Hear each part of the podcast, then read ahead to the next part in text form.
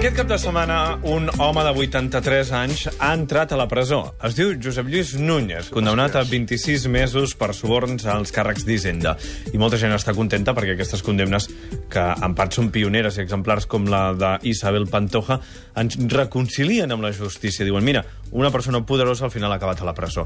Però el fet que Núñez tingui 83 anys ha fet que ens preguntem avui què esperem exactament de la justícia? Venjança o reinserció. Francesc Torralba, bona tarda. Bona tarda. Perquè en el cas d'un home de 83 anys és difícil pensar que la presó li ha de servir perquè reinsereixi la societat a la seva edat. És molt difícil.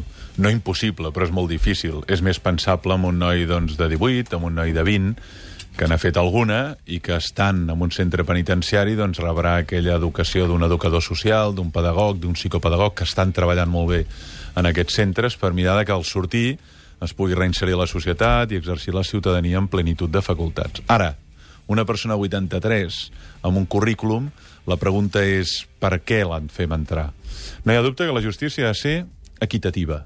Això és un principi bàsic. És a dir, tothom està sotmès a la mateixa justícia, ja sigui el cunyat del rei, ja sigui el que va ser president del Futbol Club Barcelona, un bisbe o qualsevol diputat senador del país.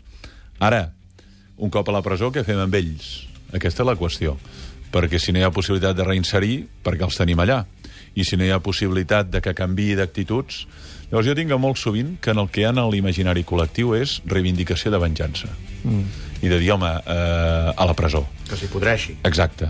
I si pot ser, dèiem, amb un vestit de ratlles i amb una bola, no? I llavors contents. Home, però és que és normal, no?, aquest sentiment, també. És bastant normal perquè hi ha una indignació col·lectiva. Davant d'un assassí, un violador, per posar casos extrems. Hi ha una indignació col·lectiva. Clar, en aquests casos la pregunta és si és possible aquesta reinserció. Mm. I aquí hi ha un debat molt gran, especialment en el cas de la violació. Però en el cas que sigui possible vol dir que hem d'invertir molts diners, hi ha d'haver professionals, perquè això almenys una part d'aquesta població el dia de futur pugui exercir correctament la ciutadania. No? Hi ha d'haver molts diners, perdona, hi ha d'haver molts diners, però també costa molts diners tanta gent a la presó. Oh, clar que costa, sí, que és no? la manera com els invertim, perquè... Entre 65 i 80 euros al dia un pres. Sí, sí, sí, per descomptat. Jo tinc una experiència amb això perquè vaig ser voluntari ah. a la presó de Trinitat durant dos anys i anava cada diumenge. I per tant els he tractat eh, bastant reclusos, de tu a tu, directament. El que observes és que el reclus ric no està massa temps. Hm. Això és de veritat. Els advocats mouen molt, molt ràpidament, els advocats, òbviament, de pagament, mouen molt ràpidament el que és un possible recurs, el que és una possible tercer grau, etc. Llavors, és igual per tots, hauria de ser-ho, però és que alguns ja estan de preventius a la presó molt de temps perquè no hi ha un advocat que pugui moure els papers. D'altres no entren perquè l'advocat va buscant totes les escletxes jurídiques agudes i per haver per retardar aquell ingrés i després que prescrigui el delicte o perquè aquest senyor doncs, té problemes de, de cor o aquest senyor és molt gran. Per tant, hauria de ser per tots igual, però no hi ha dubte que qui té diners accelera el procés de marxar o bé desaccelera molt el procés d'anar-hi. I això genera una indignació. Llavors, quan veiem mm. un personatge ric, eh, famós, que finalment li cau tot el pes de la llei i que no ha tingut cap tipus d'escletxa per sortir-se'n, eh, col·lectivament diem, ja era hora, que bé. Però en aquest ja hora que ve, que hi ha venjança, o hi ha de dir que bé, ara es podrà reinserir i realment tornar a la societat? Jo crec que això no hi és. Jo crec que és que ara veiem com paga. I pagar vol dir estar dins d'una reixa i podrir-se allà. Home, jo crec que no. Jo crec que hem de dir ara entra, però amb l'esperança de que d'aquí dos o tres anys no torni a fer això. Ara, amb una persona de 83 anys, jo crec que aquí el que hi ha és un, un encàstic exemplar que calma la indignació popular un temps, però jo no parlaria de justícia aquí. Ah, no? No. Que Núñez hagi entrat a la presó no és un acte de justícia?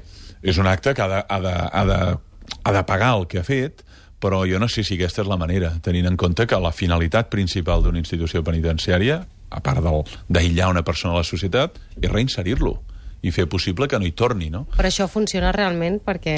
Això, com sabem, és molt difícil i en molts casos és un lloc on s'aprenen males pràctiques. És que només hi deu ser a la descripció d'una presó, aquesta voluntat. Està a la Constitució i està en el cap de molts treballadors que treballen a la presó intentant fer això, no? educadors socials, psicòlegs, psicopedagogs, tot aquest munt de figures que a vegades són invisibles socialment però que estan picant pedra per fer possible que aquell reclús no torni més allà, que no et volem veure més aquí, volem que treballis, que facis una família, que t'insereixis a la societat. Però és que amb una persona tan gran, jo, la veritat, eh, tinc molts dubtes que això pugui ser així. El que ha de fer, òbviament, és rescabalar tot el que ha robat, si és que és així, i el que s'ha de fer és algun tipus de, de servei comunitari, si tu vols, però a mi em fa la impressió que és molt difícil aconseguir que es reinsereixi. Mm. Quin servei comunitari podria fer Josep Lluís Núñez? Pisos, per, Ah, fer pisos. pisos. Per la gent. Pisos de protecció social. A pisos en tenim molts buits. En, en tenim molts buits. I ells podem ter molts. Potser sí. Segurament. Que els diguessin, eh, Pressi, dongui els pisos. Gràcies, Francesc. Fins la setmana que ve. Gràcies a vosaltres. Adéu.